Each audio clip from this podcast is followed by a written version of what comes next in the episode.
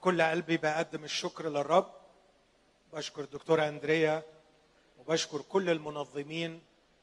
شكر خاص على إتاحة الفرصة ليا أني أكون بخدم أولادي بخدم الشباب وبخدم زملائي وإخواتي اللي بيحبوا الشباب واللي على قلبهم أنهم يخدموهم.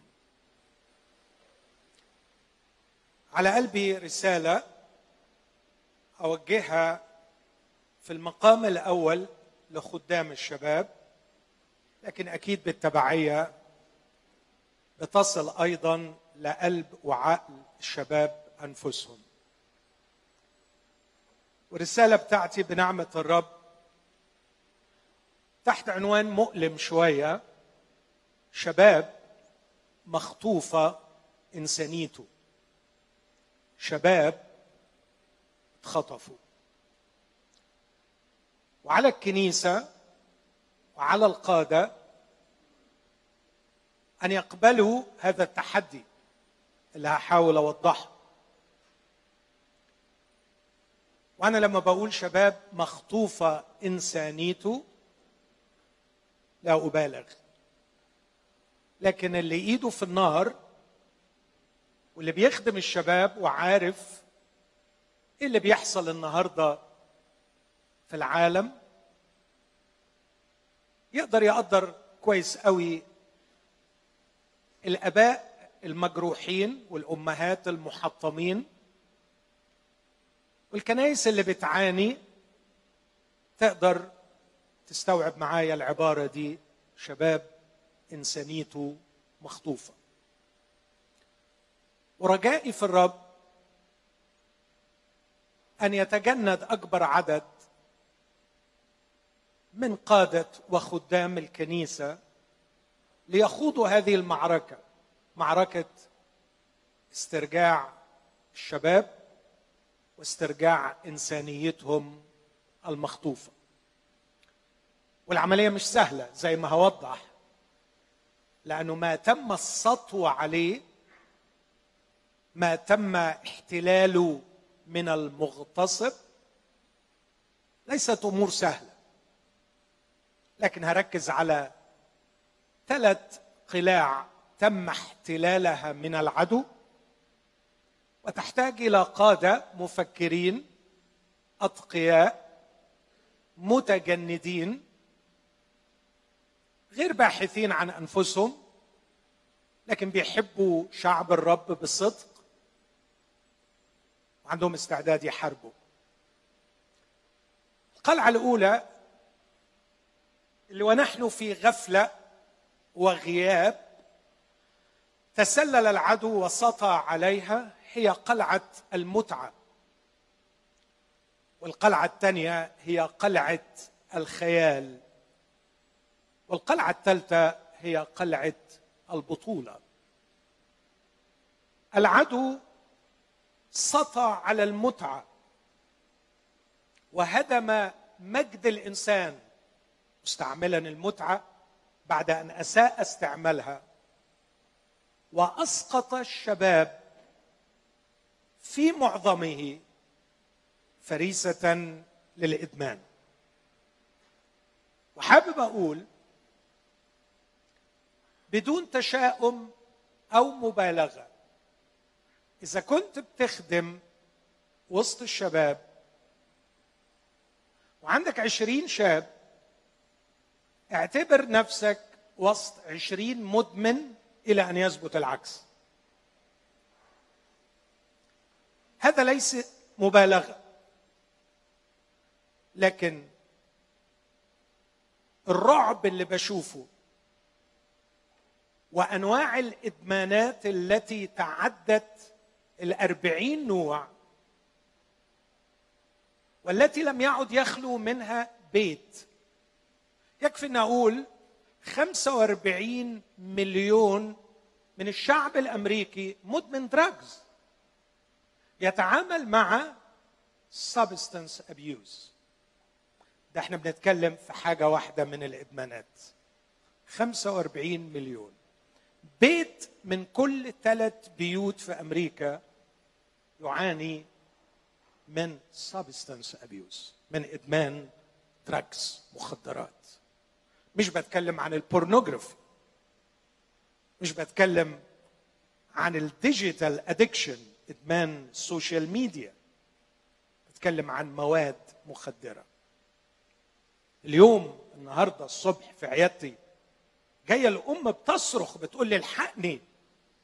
ابني صغير السن لكن واقع وغرقان في الحشيش. بعد دقايق عرفت إن هي مدمنة كوكايين.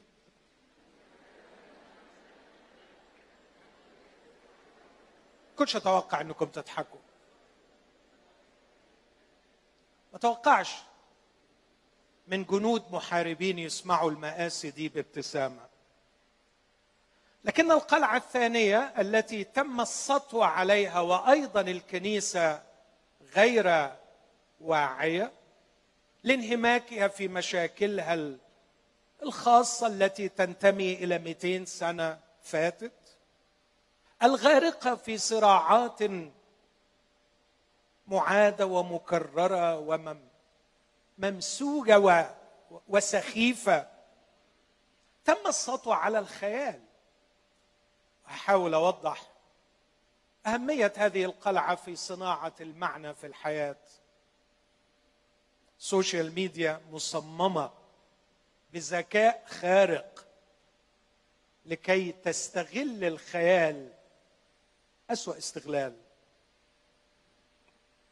وأخيرا إبليس استطاع أن يسطو على واحد من أروع المعاني في الحياة. لا يستطيع الشباب أن يعيش بدون بطل يلهمه. سطى إبليس على البطولة وقدم لنا انواعا مزيفة من الأبطال. وأيضا تسربت إلى الكنيسة وأصبحت هي النموذج للبطولة. أصبح الأبطال في داخل الكنيسة هم نفس النموذج نموذج الافنجرز والسوبرمان اللي يقدم في المجتمع. نموذج القائد والبطل المبهر والمسيطر وليس الخادم الخاضع. ليس البطل الذي قدمته كلمة الله. ولا البطل الذي رأيناه في شخص المخلص يسوع. لكن البطل هو المبهر. على قد ما تقدر to impress others. كيف تستطيع أن تدير انطباعات الناس عنك؟ وليس خدمة الناس. والخضوع لله. وإتمام مشيئته وليس إنجاز أجنداتنا مستغلين الشباب. خلوني أحبائي أتكلم قليلا عن هذه المعارك الثلاثة التي ينبغي على الكنيسة أن تخوضها لاسترجاع إنسانية الشباب المخطوفة أو استرجاع الشباب إلى إنسانيتهم. ودور القادة في هذا الأمر. وأختم بنموذج رائع من حياة يسوع. يجسد لنا كيف خاض هذه المعركة وكيف حقق انتصارا ساحقا في هذه المجالات الثلاثة. لقد سطى إبليس على قلعة المتعة. المتعة هي عضو التحفيز للإنسان. ما تقدرش تعيش لو جردناك من المتعة. أنت تحتاجي للمتعة وأنت تحتاج للمتعة وأنا أحتاج للمتعة. ومن الغباء أن نجرد البشر من المتعة. وعلينا أن نتذكر أن مبدع المتع هو الله. يقول عنه الرسول الذي يمنحنا كل شيء بغنى للتمتع. صانع المتعة مصمم الأعصاب التي تقود للمتعة مصمم الهرمونات في المخ التي تحقق المتعة.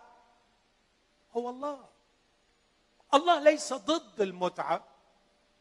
وصمم المتعة لكي تكون محفز لنا في طريق سعينا لتحقيق الغرض. إنجاز الأغراض في الحياة ليس بالأمر السهل فهو رحلة طويلة. ما يشجعنا ما يدعمنا ما يحفزنا على تحمل المشاق في طريق إنجاز الغرض هو الاستمتاع إني سأستمتع. إبليس يعرف كده كويس. فسطى على قلعه المتعة من خلال طريقتين. الطريقة الأولى أسميها التسطيح والطريقة الثانية أسميها الشيطنة. سطح المتعة وشيطن المتعة. سطح المتعة اسمعوني يا شباب أرجوكم اسمعوني أحبائي خدام الشباب. سطح المتعة بأنه حصرها في كل ما هو مادي وسطحي. وغيب عن العيون والقلوب والعقول انواعا من المتعة. هي الأنواع الأعمق التي تشبع أعمق احتياجات الإنسان. غيب عنا ما نحتاج إليه بصدق. ما نحتاج أن نستمتع به بصدق. ما يملأ أعماقنا من الداخل بحق.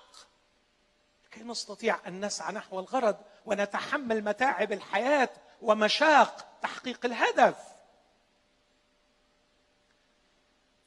احدث نظرية من نظريات علم النفس اللي بتتكلم عن أهم احتياجات الإنسان أو احتياجات الإنسان الأساسية في الحياة. بيسموها basic psychological needs. تكلم عن ثلاث احتياجات. الاحتياج الأول حرية. متعة الحرية. الاحتياج الثاني متعة الكفاءة والإنجاز. Competence. إثمار. تعمل فرق. تعمل تغيير. متعة التأثير. متعة إنك بتغير إنك بتثمر. والاحتياج الثالث ريليتدنس العلاقات العميقة.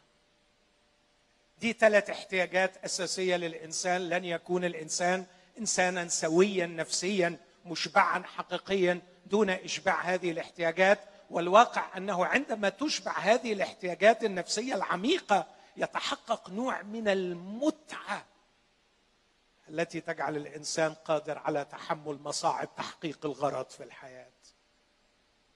اسمعوا كاتبنا الملهم اللي دايما له قول في كل شيء سي إس لويس. يقول هذه الكلمات في كتابه الشهير Screwtape Letters أو رسائل خربر بالعربي. في الخطاب التاسع وهو يكتب رسالته إلى شيطان كبير بيعلمه شيطان كبير بيكتب رسالته لشيطان صغير بيعلمه الشيطنه بيقول له هذه الكلمات. دايما يتكلم عن المؤمن تحت عنوان مريضك. فبيقول له اسمعوا شجع مريضك على الانغماس المفرط وغير الصحي في الجنس وفي تعاطي الكحول وفي الممارسات الأخرى المرتبطة بكل ما هو مادي. شجعه شجعه إنه ينغمس. ليه؟ اسمع. حتى تضمن في وقت إحباطه أنه يتوق إلى تلك الأشكال من الإشباع الغير طبيعية والأقل متعة. بعدين يقول له اسمعوا العبارة اللي جاية دي. لا تنسى ابدا أنه عندما نتعامل مع أي متعة عميقة في شكلها الصحي والطبيعي والمشبع فنحن دون أن ندري قد انتقلنا إلى أرض العدو. فكروا في الكلام ده. العدو في لغة سي إس لويس هو في الكتاب ده هو الله. بيقول له خلي بالك أوعى تسيبه يفلت منك نحو المتعة العميقة. لأنه لو فلت منك ناحيتها انتقل رغما عنك إلى أرض العدو. لأن مبدع المتع العميقة والمتع غير العميقه هو الله. إبليس لعبها بذكاء خارق لأنه سحب الشباب في تسطيح مخزي ومذل إلى المتع السطحية. مدركا أنه من خلال هذا قادر على الانتقال للنقطة الثانية وهي شيطنة المتع. سطح وشيطن شيطن بأنه حول المتعة من أداة للتحفيز من عضو التحفيز إلى غرض في حد ذاتها. فأصبحت تعبد وصارت المتعة إلها. أصبح الإنسان يعبد متعه. ديفيد فوستر والاس كاتب الأمريكي كاتب القصص الأديب المبدع. ألقى خطابا شهيرا يدرس إلى الآن بعنوان إنه ماء في تخريج دفعة إحدى الجامعات. وبعد هذا الخطاب انتحر بفترة بسيطة. وكثير من الرسائل بتدرس هذا الخطاب لتبحث عن عوامل الانتحار التي أدت بهذا الأديب المبدع للانتحار. لما تقرأ الخطاب بتاعه تلاقي فكرتين أساسيتين. الفكرة الأولى بيقول للشباب اللي بيتخرج في ناس كتير هتكلمكم عن الحرية بس بيكلموكم عن الحرية الأقل أهمية إن الحرية الحقيقية التي ينبغي أن يرمي إليها نظامنا التعليمي هي الحرية من مركزية الذات. واقف هنا لأتساءل وأقول وهل لديك مخلص يخلص من مركزية الذات؟ إن مركزية الذات في تعريفنا اللاهوتي هي الخطية. فالخطية هي استقلال الإنسان عن الله وتمركزه حول ذاته. ديفيد فوستر والاس أنت تبحث عن مخلص من الخطية ولا يوجد مخلص إلا يسوع المسيح. لكن أيضا يقول لهم هذه العبارات احذروا من هذه الخرافة أنه يوجد إلحاد. فنحن جميعا نعبد. نعبد. نعبد الجنس. ونظل نشكو من عدم جمال أجسادنا. نعبد المال. ونظل نشكو من قلته. نعبد القوة. ونظل نرتعب من الضعف. اسمعوا العبارة اللي بيقولها بالنص. هذه الآلهة تتفق على شيء واحد أنها تأكلنا ونحن أحياء نعبدها وهي تأكلنا ونحن أحياء. نجح إبليس في غفوة أو غيبة أو تغييب متعمد من الكنيسة عن الشباب في إنه يخطف الشباب ويجعلهم أذلاء عبيد الإدمان. لا أخجل أن أكرر مرة أخرى. لو بتتعامل مع شباب في كنيستك سيبك من المنظر اللي أنت شايفه من بره تعامل معاهم على أنهم جميعهم مدمنين إلى أن يثبت العكس. وحط خططك في خدمتك على هذا الأساس. المشكلة الكبيرة أن الكنيسة سقطت في نفس الخطأ بفعل إبليس أيضا فشيطنت وسطحت المتعة. عملت العكس هو سطح وشيطن الكنيسة شيطنت وسطحت. ودي كانت خدعة معمولة بذكاء من إبليس. فالكنيسة للأسف الشديد واخدة موقف روحاني كاذب روحاني زائف من المتعة. بينها لما تتكلم عن المتعة كأنها بتتكلم عن الخطية. المتعه ليست خطية. علينا أن نعرف أن الجنس مقدس وأن الطعام بركة وأن عطايا الله لمتع الجسد خير منه منحنا إياه بغنى لكي نستمتع. للأسف الشديد وقعنا في الفخ إذا أردت الروحانية عليك أن تكون مضاد للمتعة مضاد لجسمك. فشيطنا المتعة. وقدمناها للشباب على إنه إذا حابب تكون شاب تقي بتحب ربنا ليكن لك موقف عدائي مع المتعة وبالتالي فصل منك. خلاص؟ فصل منك. أنت ما أنت أنت مش فاهمه ولا عارفه ولا حاسس بيه ولا هو مقتنع باللي أنت بتقوله. شيطاننا المتعة بأننا جعلناها مرادف للخطية وهي ليست هكذا. لكن أيضا سطحنا المتعة بأننا لم نبحث في برامجنا. برامج خدمتنا للشباب عن ترتيب وسائل وإعادة ترتيب أنشطتنا الكنسية لكيما تكون فعلا قادرة على تحقيق الإشباع الأعمق لاحتياجات الشباب. لأننا صرنا كما سمعنا من الدكتور أندريا. عبيد. لانظمه ورثناها وليس لدينا الجرأة أن نغير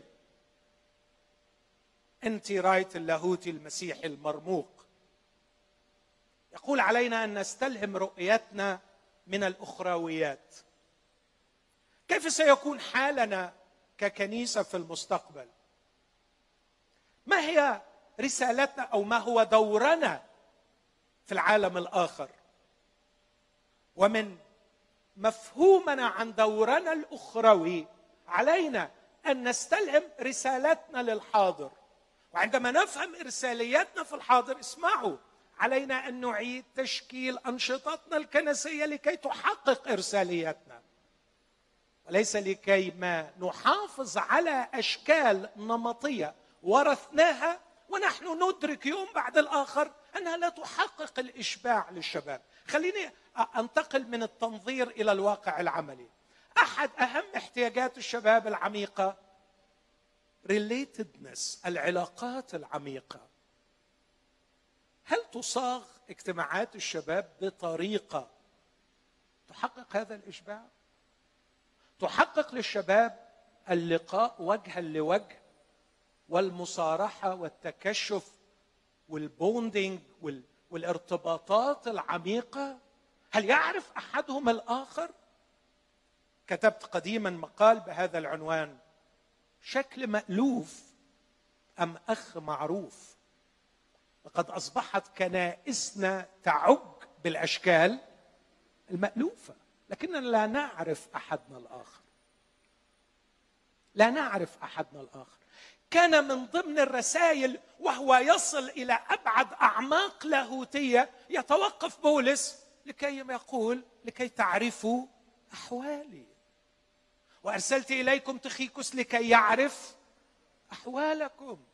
ويعطينا اصحاحا كاملا يذكر في أسماء وظروف أشخاص لكي يقول لنا أن الحياة المسيحية الحقيقية تتخطى حدود التجاور على المقاعد في الكنائس إلى علاقات العائلة التي يشبع أحدهم احتياجات الآخر العميقة والعلاقات العميقة لها تكلفتها. لكن المتع السريعة رخيصة لكنها تترك الإنسان عبدا لهذه المتع. هل تصيغ هل الكنيسة لديها الجرأة أن تعيد أنشطتها وتعيد تدوير أشكال الاجتماعات بدل أحداث أحداث؟ هل من الممكن أن نهدأ ونركز على تمكين هذه العلاقات العميقة؟ هل فعلا أخذنا بأيدي الشباب ووظفنا وظفنا إمكانياتنا واجتماعاتنا لتفعيل إمكانياتهم وجعلهم مؤثرين فيستمتعوا بمتعة التأثير والإنجاز. ويرى الشاب نفسه وقد حقق شيئا في نفسه وفي من حوله. أما أننا نستغل الشباب لكي يجلسوا على المقاعد ويعطونا فرصة لواحد مثلي أن يستمتع بجرعة جديدة من الدوبامين عندما يعظ وينتعش بالدوبامين. على فكرة الوعظ بيعمل دماغ. حقيقي؟ الوعظ بيعمل دماغ. أرخص دماغ.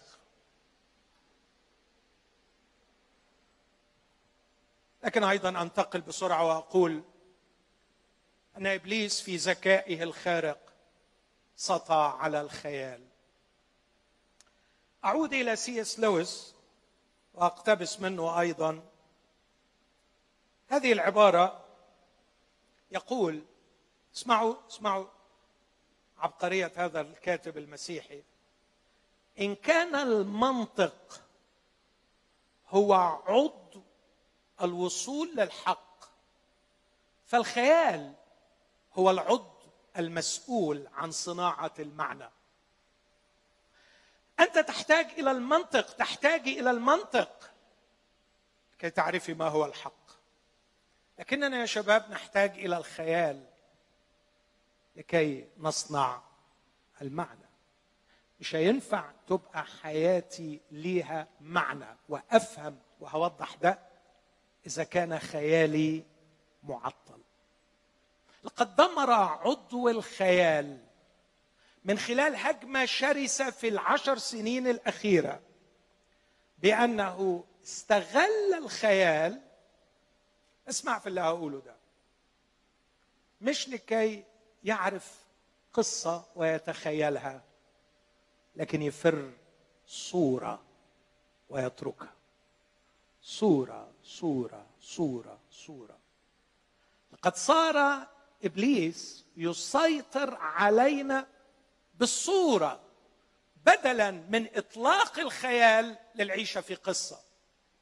عارف إن كلامي قد يبدو غريب لكن أرجوكم فكروا فيها أحبائي. نحن كائنات مصممة من الله أن يكون ما نسميه ال operating system الجهاز اللي بيشغلنا ال software اللي بيدورنا حكاية مش صورة. إحنا مخلوقين نعيش من خلال حكاية اتحكت لنا وعايشين فيها وعايشة فينا. عشان كده أهيب بالمرنمين. أتمنى ربنا يدينا مرنمين. من خلال ترانيمهم يحكوا لنا حكايتنا. نعيد الحكاية. نعيد حكاية الخلق والتجسد والصليب والفداء وجب الأسود وأتون النار وشق البحر. والصخرة اللي بتطلع ميه عايزين ترانيم وعايزين عظات ترجعنا وتعيشنا جوه حكايتنا. لأن عقولنا متبرمجة ما بتعرفش تعيش إلا من خلال حكاية. إبليس عارف القصة دي وعارف إن ده أسلوب ربنا. أسلوب ربنا إنه حكى لنا حكاية وبيعمل في التاريخ البشري حكاية. تذكر أستاذي في اللاهوت كيفن فان هوزر كنت عملت نموذج لمعنى الإيماجو دي أو صورة الله في الإنسان فقال لي تقترح له اسم إيه؟ قلت له اتفضل حضرتك. فاختار لي اسم جميل لن أنساه ثيودراما الدراما الإلهية. إن التاريخ كله هو عبارة عن مسرح للمخرج العظيم والمؤلف الكبير. الله ينتج دراما على مسرح التاريخ واختارك واختارني واختارك لكي نكون. لنا دور في هذه الدراما في حكاية كبيرة. لكن إبليس سطع على الخيال اللي بيه نشبك في القصة. اللي بيه نلقط مع القصة. الخيال اللي لما يخاطب وينعش بالعظه والترنيمة والتعليم يشبكني في الحكاية. الخيال ده إبليس سطع عليه وخلاه بيتشك التليفون بتاعه 157 مرة في اليوم علشان يشوف بس image صورة. وطول الوقت reel shorts مش بيدور على فيديو حتى لكن أصبحت صورة.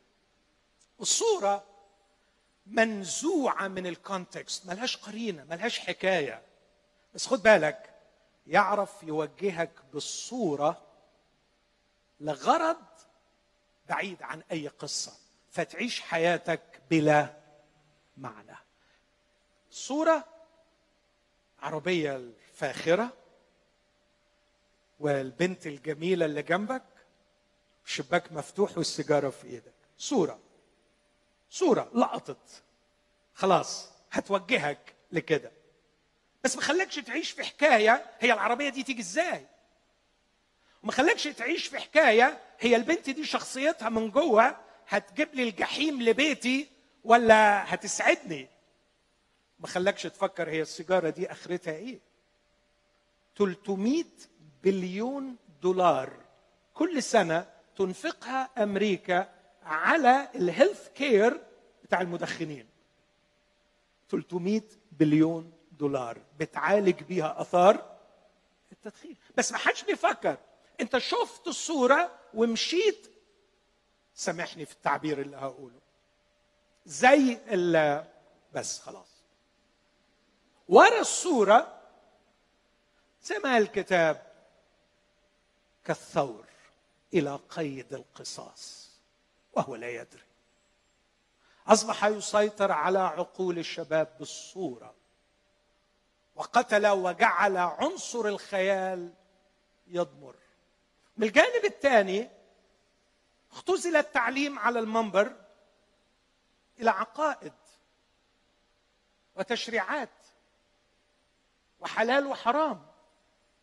واختزلت الترانيم في معظمها إلى أناشيد تعتمد على الإيقاع وتشجع الشاب ليدور حول نفسه فتعمق مركزية الذات.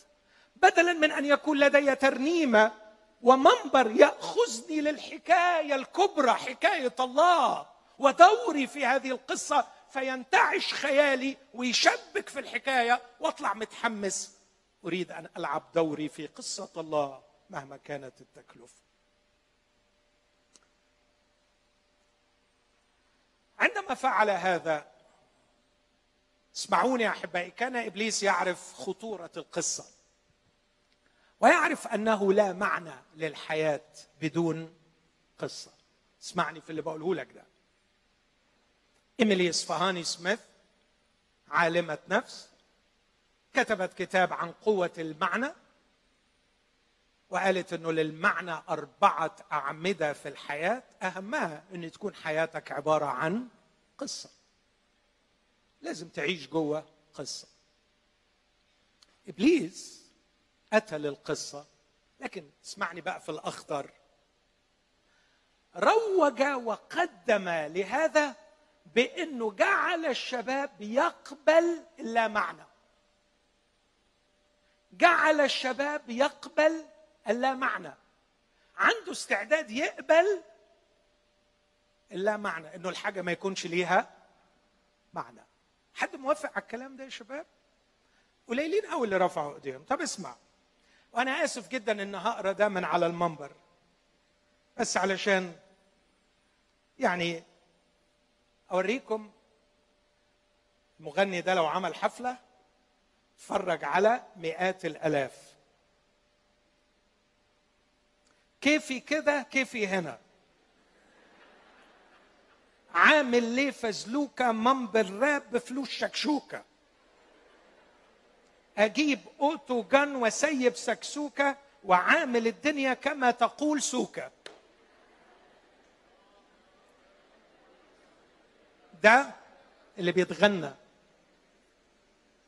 أتحدى إنك تكون فهمت حاجة. بس فرحان وهو بيقولها. وعمال يعيد ويزيد فيها. ولو ركزت أندرو فليتشر المفكر الاسكتلندي قال العبارة الآتية دي اسمعوا يا شباب.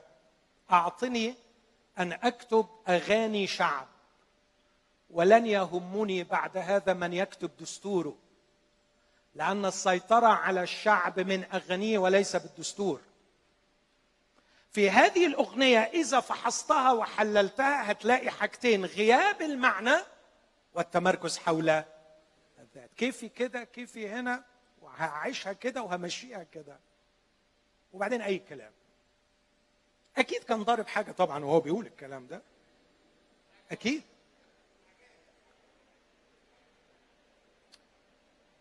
زميلي موقعي ده ما فيش جنبيه كيفي كده كيفي هنا واللي اقوله أمشيه. زميلي لو سلوكك فكا نلمه بالأراجة. خدت السكة الصعبة حفظت أنا الكراسة. هذه هي الأغاني التي تشكل وعلى فكرة ولادنا بيغنوها ومعشعشه في دماغهم. خد بالك خد بالك من اللي عايز أقوله يا خادم الشباب.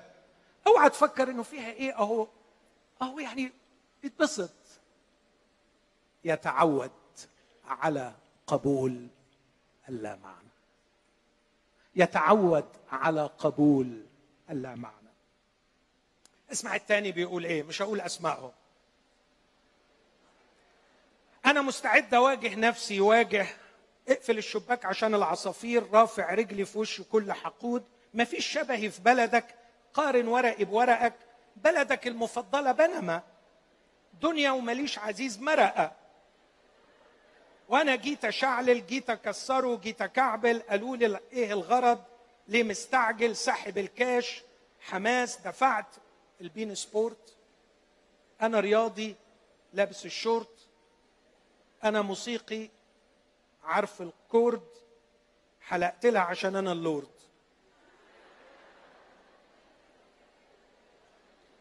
تشكيل عقول الشباب بمئات الألاف في فوضى اللامعنى. قتل اللغة قتل المعاني إهدار كرامة الإنسان في بحثه عن معنى المعنى. لما يخليك تغني وانت مش بتدور على المعنى وتغني وانت مش بتدور على المعنى سهل تقبل حياة بلا معنى. سهل تقبل الفوضى. وإبليس هو رب الفوضى. إبليس هو إله الفوضى. إبليس هو إله اللا معنى. اسمعني إبليس ليس خلاق. إبليس يفسد ما خلق. المعنى في المخلوق إفساد المخلوق هو اللا معنى إبليس ما يعرفش يعمل حاجة. إبليس يعرف يبوظ الحاجة. إبليس ما يقدرش يبدع. إبليس يبوظ ويفسد الإبداع. سطع على الموسيقى. سطع على الفن سطع على الدراما سطع على كل شيء جميل ونبيل لكي ما يخلق شعبا يقبل اللا معنى اتمنى يا شباب؟ انكم تفوقوا من هذا الغي وترفضوا غسيل الدماغ وترفضوا هذه المحاولات للسيطرة على عقولكم. وغرس فوضى لا معنى في حياتكم والإصرار على إن حياتك يكون ليها معنى. وعلى الكنيسة وخدامها أن يكون واضح لديهم ما هي الحياة التي لها معنى. وكيف أقود الشباب إلى صناعة المعنى في الحياة. كيف أقود الشباب إلى علاقات عميقة بعضهم مع بعض. كيف أقود إيميلي اصفهاني سميث ليست مسيحية. لكن في كتابها الشهير The Power of Meaning قوة المعنى. تتكلم عن أربع أعمدة تصنع المعنى في حياة الإنسان. أولهم اسمع بتقول إيه اسمع بتقول إيه. أن يكون لك دائرة علاقات عميقة يقبلونك فيها. ليس لما تملك ليس لما تعرف ليس لما تعتقد لكن يقبلونك فيها كما أنت. قل لي دي تيجي إزاي بعيدا عن كنيسة المسيح؟ العمود الثاني لصناعة المعنى في حياة الإنسان. قالت كده إيميلي أن تكون مرتبطا بالترانسندنت بالمتجاوز. أن ترتبط بشيء أكبر منك.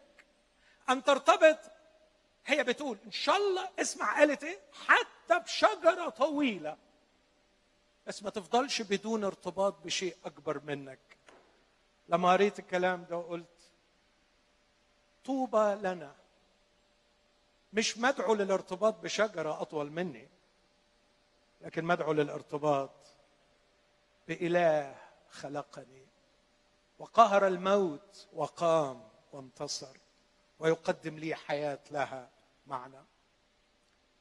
العمود الثالث أن يكون لك غرض في الحياة أكبر من مجرد شغلك. إن يكون عندك غرض مش مجرد إنك تشتغل وتكسب فلوس. لكن أقول إيه يا للعار عندما حتى في الكنيسة صارت الخدمة هي من أجل الوظيفة والمرتب. وأخيرا تقول لابد أن تكون حياتك قصة.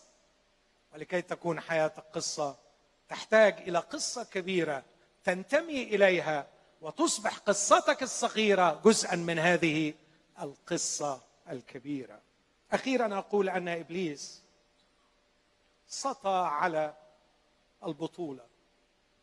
والبطولة ما تعرفش ما تعرفش تعيش الشباب بدون بطل.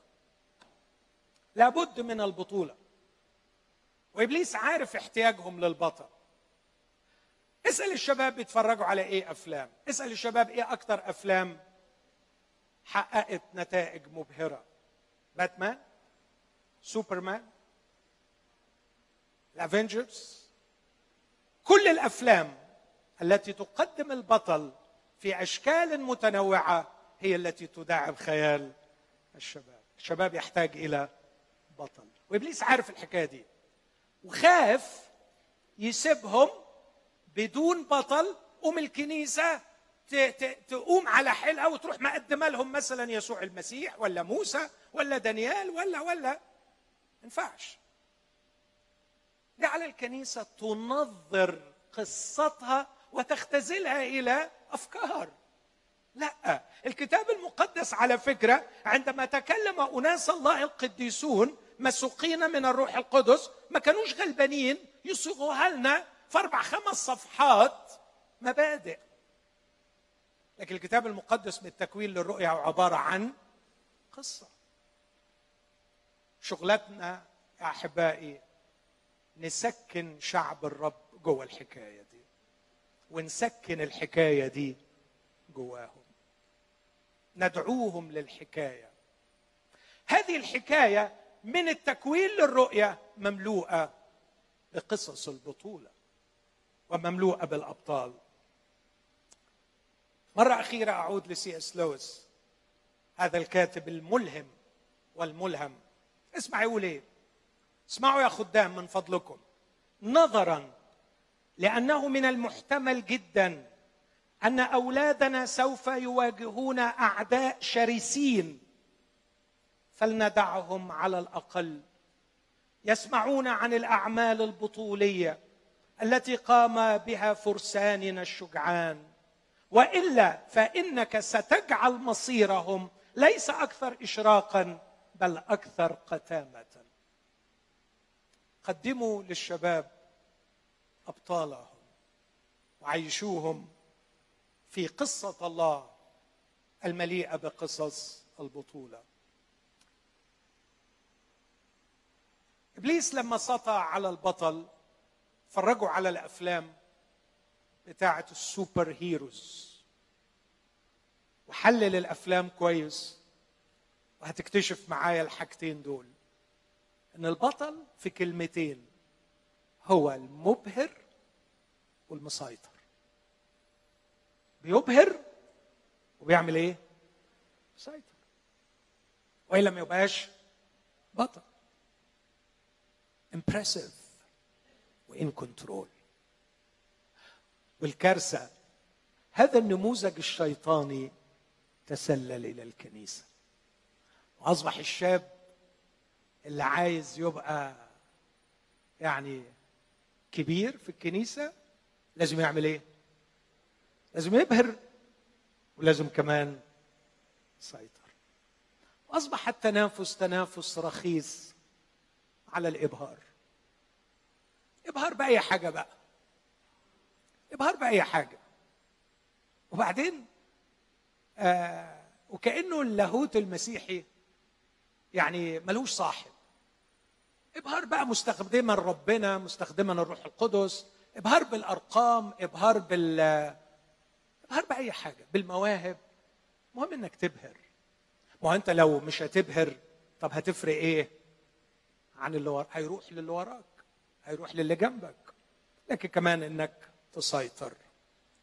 كل الخدام والأبطال المسيحيين كانوا أبعد ما يكون عن الإبهار والسيطرة لكن كانوا خدام خاضعين.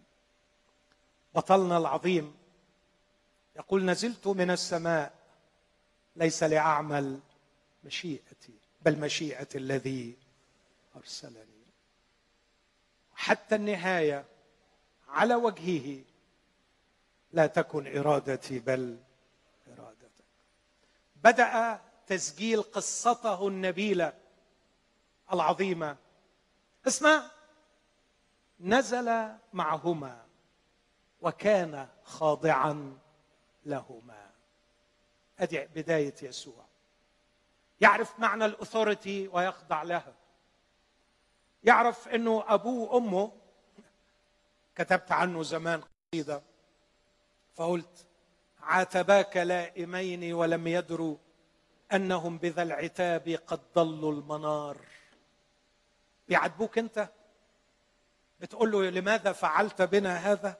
كنا نطلبك أنا وأبوك معذبين. له لماذا تطلبانني رددت القول بروعة تخلب القلب والأبصار. سيدي أنت كبير في صغرك. لم تبقي مكانا للإبهار.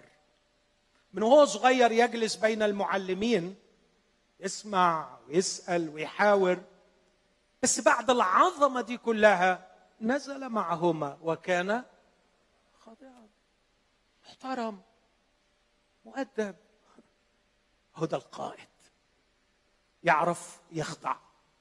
القائد الحقيقي يعرف يخضع. لكن كمان اسمع في آخر رحلته. ليفهم العالم أني أحب الآب وكما أوصاني هكذا أفعل. قوموا ننطلق منها هنا. ذكرت أكثر من مرة أصبحنا نخدم لإدارة الانطباعات بدلا من إدارة الذات. على الخادم الحقيقي أن يدير ذاته impressions management. إزاي ت manage انطباعات اللي بيسمعوك؟ إزاي ت manage انطباعات اللي بتخدمهم؟ لكن ت manage yourself إنك تدير ذاتك وليس انطباعات الآخرين عنك. أختم بتطبيق كلنا عارفينه لكن هختم به بسرعة شديدة جدا. أصحاح أربعة. استأذنكم. نقف مع بعض وإحنا بنسمع هذا النص. وبعديه هعلق تعليق مختصر. وختم اسمع معايا وركز بحواسك. واترك خيالك للروح القدس يعيشك في أجواء هذه الحادثة. أما يسوع فرجع من الأردن ممتلئا من الروح القدس. وكان يقتاد بالروح في البرية أربعين يوما يجرب من إبليس. ولم يأكل شيئا في تلك الأيام. ولما تمت جاع أخيرا. وقال له إبليس إن كنت ابن الله فقل لهذا الحجر أن يصير خبزا. فأجابه يسوع قائلا مكتوب أن ليس بالخبز وحده يحيا الإنسان بل بكل كلمة من الله. ثم أصعده إبليس إلى جبل عال وأراه جميع ممالك المسكونة في لحظة من الزمان. وقال له إبليس لك أعطي هذا السلطان كله ومجدهن لأنه إلي قد دفع وأنا أعطيه لمن أريد فإن سجدت أمامي يكون لك الجميع. فأجابه يسوع وقال اذهب يا شيطان. إنه مكتوب للرب إلهك تسجد وإياه وحده تعبد. ثم جاء به إلى أورشليم وأقامه على جناح الهيكل وقال له إن كنت ابن الله فاطرح نفسك من هنا إلى أسفل. لأنه مكتوب أنه يوصي ملائكته بك لكي يحفظوك وأنهم على أيديهم يحملونك لكي لا تصدم بحجر رجلك. فأجاب يسوع وقال له إنه قيل لا تجرب الرب إلهك. ولما أكمل إبليس كل تجربة فارقه إلى حين. آمين. هذه هي كلمة الرب. تفضلوا. هعلق تعليق مختصر في ضوء ما ذكرته من النقاط الثلاثة وأختم. سطع على المتعة وسطع على الخيال وسطع على البطولة. وواضح أن هذا أسلوب قديم من أيام تجربة المسيح. جاء ليسوع باحتياجاته الجسدية. احتياجاته الجسدية مقدسة وعظيمة. احتياجاته الجسدية كان يسوع يأكل ويشرب. مش كده؟ معظم قعدات يسوع كانت في موائد في ولائم. كان يأكل كان يحب الشركة ويحب يأكل وكان بيأكل وبيشرب. الله ليس ضد المتعة لكن اسمعي واسمع معايا. كيف يقاوم فحيح الأفعى. كيف يرد ويسحق تجربة العدو؟ عندما يستدعي احتياجاتك الجسدية عندما يستدعي احتياجك للجنس عندما يستدعي احتياجك للحضن ويخليك ما تفكريش في الثمن اللي هيدفع عندما يستدعي احتياجك لصورة كاذبة تلهب هرموناتك وتفجرها. عندما يستدعي هذه الأمور إيه الرد اللي رده يسوع. يس صح. أنا محتاج الخبز. أنا محتاج الجنس. أنا محتاج الحضن. أنا محتاج لكل ده. لكن لكن ليس بالخبز وحده يحيا الإنسان. نعم نعم أنت تحتاج لهذه لكن فوق. أنت مش بتحيا دي بس في حاجات تاني في حاجات تاني اسمعوني يا شباب. روعة القصة المسيحية مش بس إنها بتدي لك متع أعمق. اسمعوني في النقطة دي. بتكون لك كيان من جوه يخليك تعرف تستمتع صح بالمتع الأقل. هقول تاني. مش بس يقودك إلى متع أعمق لكن حتى المتع البسيطة السطحية المادية يدي لك القوة على إنك تجيد تعامل معاه. فتظل سيدا تظل حرا تظل أربعين يوم ما بيتاكلش تقدر ترفع راسك وتقول ليس بالخبز وحده يحيا الإنسان. لا ننكر احتياجنا للخبز وللجنس وللمتع لكننا نعي بعمق أن هناك للحياة ما هو أعمق من هذا. التجربه الثانية مرعبة. بص الأسلوب القديم الجديد snapshot reel short مش قصة كبيرة. كتير يقولوا يقولوا لي عايزينك تسجل حاجة أقل من دقيقة. أقول لهم افتح الله. ما معرفش وما ينفعش ومش موافق على كده. معرفش. أنا المقدمة بتاخد معايا ربع ساعة. فهسجل لك إزاي حاجة في دقيقة. إبليس قال له خد بالك أراه ممالك العالم ومجدها في إيه؟ في لحظة. ده ده الشورت بقى. ده الشورت قوي. ده الشورت قوي اللي محدش وصل له لغاية النهارده إنه يوري لك ايمج في لحظة. لكن على مين؟ على مين؟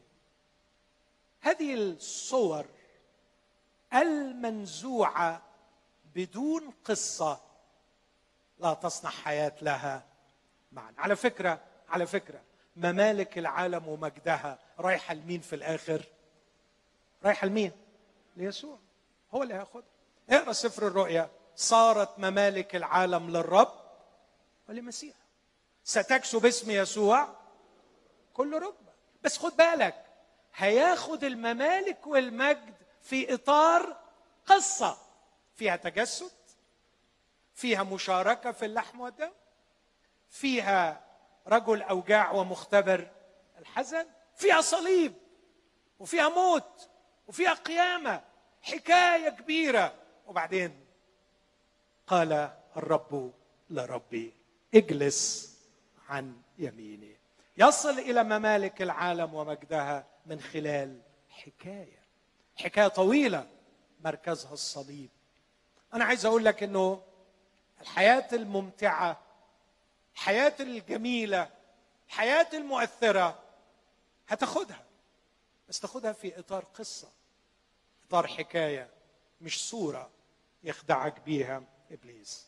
لكن أخيرا حاول أن يجعله هذا الخادم هذا البطل المبهر وليه؟ المسيطر. حب يخلي يسوع مبهر ومسيطر. يعمل إيه؟ ارمي روحك. طب وإيه اللي نستفيده يعني لما أرمي روحي؟ ليه يعني؟ بهلوان أنا؟ بس في ناس بتقبل شغلة البهلوان. Just to impress. بس ربنا ما دعاناش نبقى بهلوانات. ربنا دعانا نبقى خدام. ودعاه أيضا ليس فقط للإبهار الناس تشوفك كده نازل بترفرف والملائكه بتشيلك لكن كمان للسيطرة. السيطرة على إيه؟ على ربنا وعلى وعود ربنا. ما هو مكتوب ترمي روحك يبعت ملائكته يشيلوك. سيطر استعمل حقك في إنك تسيطر حتى على ربنا. لكن كم كان بديعا؟ اخرس. مكتوب لا تجرب. رب الهك إلهي بيديني وعود مش عشان أسيطر عليه بوعوده. إلهي اداني مواعيد علشان أخضع له فيتمم معايا وعوده. هقول تاني إلهي اداني وعود مش عشان أسيطر عليه من خلال وعوده. إلهي اداني وعود أطيع وأخضع ليه فيتمم معايا وعوده. وعوده للخاضعين ليه؟ مش اللي بيحاولوا يسيطروا عليه. اتمنى من قلبي يا اخوتي الأحباء؟ أن هذا النموذج الملهم بطلنا يسوع. أتمنى من خدام الشباب إن إحنا نقرب منه. كتير أسأل الشباب الصغير مين يسوع في خيالك؟ راجل بجلبيه بيضة ودقنه دايما مبتسم. ما أبهته خيال. ما أحقره خيال. يسوع مش ابو جلبيه بيضة المبتسم. من يومين كنت بقرأ الصبح في خلوتي الشخصية متى 12 وظبطت روحي بنرفزة بقفل الكتاب وأنا بقول هي كلها كده مواجهات كلها مواجهات كلها مواجهات؟ وانت ما بتاخدش نفسك ابدا؟ حوارات مواجهات حوارات مواجهات. هو ده يسوع. رجل الفكر رجل الإبداع رجل الكونفرونتيشن القوي مع قادة مرائين مزيفين. يسوع اللي يقتحم المجامع من أجل رجل يده يابسة. يسوع اللي بيعرف يستخدم الكتاب استخدام صحيح علشان يسد أفواه المنافقين. يسوع اللي يعاتب تلاميذه لما ما يفهموش. رجل المواجهات. شابو جلابيه بيضة المبتسم. يسوع رجل القوة اللي ارتجل قصة كتير بيحلو لي أن أقارن بين نجيب محفوظ في رواية الطريق وبين يسوع في قصة الابن الضال. رواية طويلة الواد بيدور على أبوه ما يوصلش. يسوع المسيح في قصة الابن الضال الآب بيطلع يجيب الواد الضال وينتهي المشهد الابن في حضن أبيه. نجيب محفوظ أنهاها ضلمة إنه الولد ما عرفش يلاقي أبوه. لكن كان مبدعا إنه قال إن مأساة الإنسان هي اغترابه عن الأب. بس ما عرفش يوصل الواد لأبوه. يسوع المسيح بيقول إن الله أرسله لكي يصالحنا مع الآب. أيها الإخوة والأخوات أتمنى من قلبي وانتوا بتخدموا الولاد والبنات اللي ربنا ائتمنكم على خدمتهم. قدموا لهم يسوع.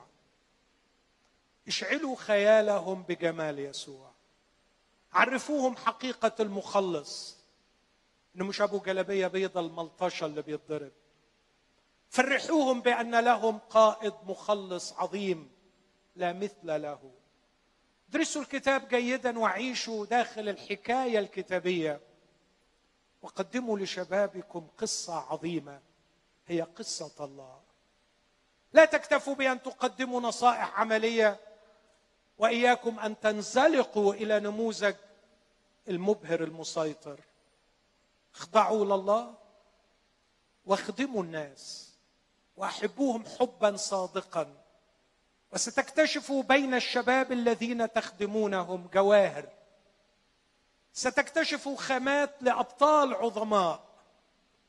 سيكافئكم التاريخ إن راعيتوهم واحتضنتوهم واسترجعتم إليهم إنسانيتهم المفقودة. ولن يرحمنا التاريخ إذا سجل عنا أنه قد أتيحت لنا الفرصة لنخدم بين الشباب فكنا نموذج الخادم المبهر والمسيطر. ولم نخضع ونخدم خدمة حقيقية. لا أعرف كيف سأواجه المسيح أمام كرسيه. إن ائتمني على شباب لم أصنع منهم أبطال وعظماء وخدام حقيقيين لله. ارجعوا إلى كنائسكم مملوئين بالحماس. أن القصة المسيحية ما زالت شغالة وما زالت تصنع أبطال. وأن الأوثر والمخرج المشرف على إتمام الحكاية مش إحنا الله نفسه. الله لم يتوقف عن الكتابة الله لم يتوقف عن صناعة الأبطال الله ما زال يعمل في التاريخ مستخدما كنيسته. قوموا واعملوا معه وتأكدوا أن بين الشباب الذين تخدمونهم مشاريع لقادة عظماء. آمين.